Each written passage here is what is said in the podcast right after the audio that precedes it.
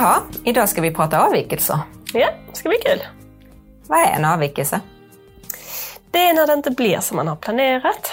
Till exempel att man inte arbetar efter rutiner eller att man glömmer bort att göra saker. Att vi inte lever upp till den kvaliteten som vi ska leva upp till. Till exempel att man inte har ett bra bemötande mot kund. Det kan både gälla när det drabbar kund, men även om vi inte följer andra rutiner. Till exempel att registrera tid på fel sätt som hemtjänstpersonal.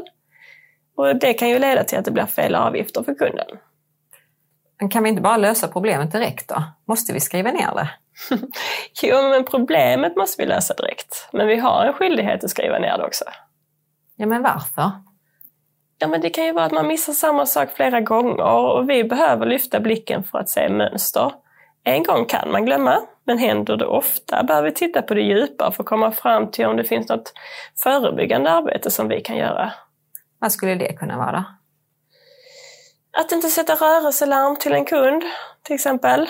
Om det händer flera gånger så behöver vi titta på hur ny personal får introduktion, vad som står i genomförandeplanen eller till och med att man sätter ett kryss på golvet för att, vi ska, för att man ska komma ihåg det. Eh, det kan ju också vara att samma misstag upprepas varje dag på en vecka. Alltså att olika personer gör samma misstag. Men eh, du själv, du jobbade bara på onsdagen och gör detta misstaget. Då kan du ju gå där och tro att det är fel på dig, men egentligen så är det ett planeringsproblem. Vad menar du med ett planeringsproblem? Ja, men det kan ju vara att man glömmer att överrapportera till nästa arbetspass. Men när vi tittar på det djupa så finns det faktiskt ingen tid för rapport och kanske inte heller en checklista på hur rapporteringen ska ske. Men då ska man vara glad för att det kommer avvikelser om man är chef. Ja, precis. Det är faktiskt först då som vi kan jobba ordentligt med kvalitet. Annars kommer det fortsätta bli fel. Det pratas ju mycket om att man anmäler varandra. Vad betyder det? Det betyder egentligen ingenting, för man kan inte anmäla varandra. Vi rapporterar en händelse och det är något som har gått snett. Och det beror sällan enbart på dig som person. Det är nästan alltid så att vi kan hitta anledningen till varför det blir på ett visst sätt. Det kan handla om bristande information, bristande kompetens och så vidare. Och varje gång vi hör någon säga att man anmäler varandra så hoppas jag verkligen att vi gemensamt kan hjälpa till med att säga att vi rapporterar en händelse, alltså inte anmäler varandra. Den enda gången vi anmäler något är när det är riktigt allvarligt och vi anmäler en händelse till IVO, alltså Inspektionen för vård och omsorg. Eh, och det beslutet kan bara förvaltningschef ta. Okej. Okay. Men nu när vi är inne på det här med IVO då, vad är skillnaden mellan en avvikelse och en lex Sarah?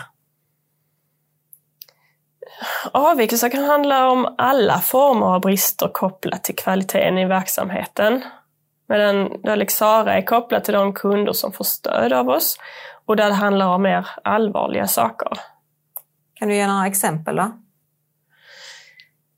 Uh, exempel på en avvikelse kan vara att man glömmer att städa hos en kund en gång, medan en lex Sarah till exempel kan vara att en personal slår en kund.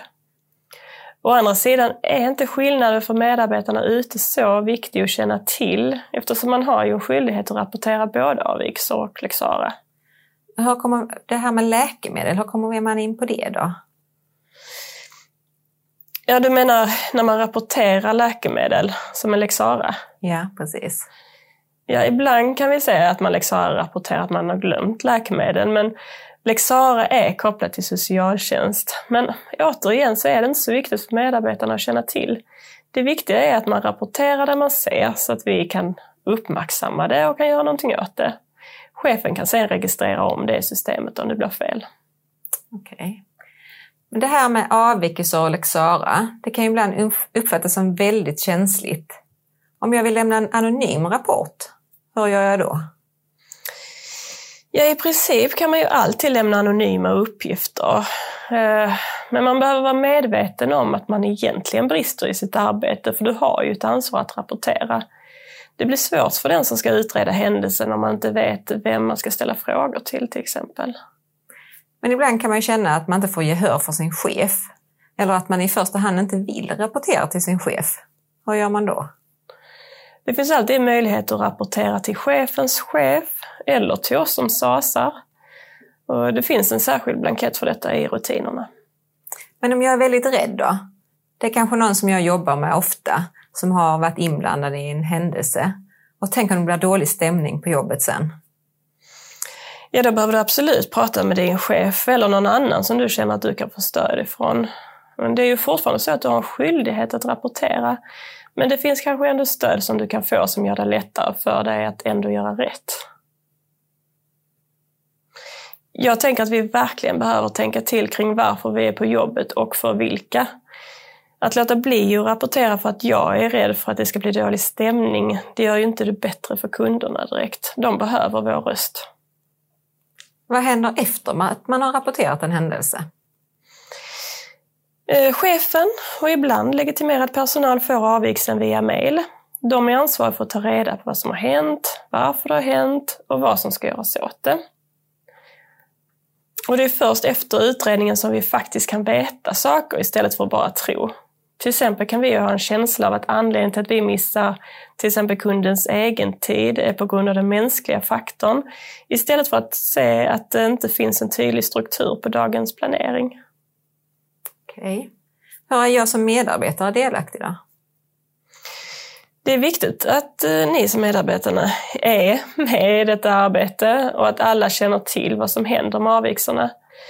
Det är viktigt att ingen känner sig anklagad för något. Det är åtminstone inte tanken med utredningsarbetet. Men visst är det så att chefen ska sammanställa alla avvikelser som rapporterats in också?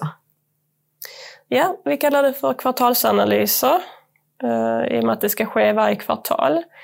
Och då ska chefen tillsammans med medarbetarna noggrant undersöka var bristerna finns, varför de finns och vad som ska göras åt dem. Och resultatet av eh, dessa behöver alla känna till och det är chefens ansvar att informera om det. Hur gör man utredningar och kvartalsanalyser då? Vi kanske kan återkomma till det i ett annat avsnitt där det egentligen, eller antagligen, bara är chefer som vill lyssna på det. Okej, okay. men du, visst hade det varit kul om vi hade fått in lite bra exempel på vad som faktiskt har blivit ändrade i verksamheterna? Så att vi kunde sprida det vidare. Ja, absolut. Skicka jättegärna in det till oss. Och kontaktuppgifter till oss SASA finns på intranätet.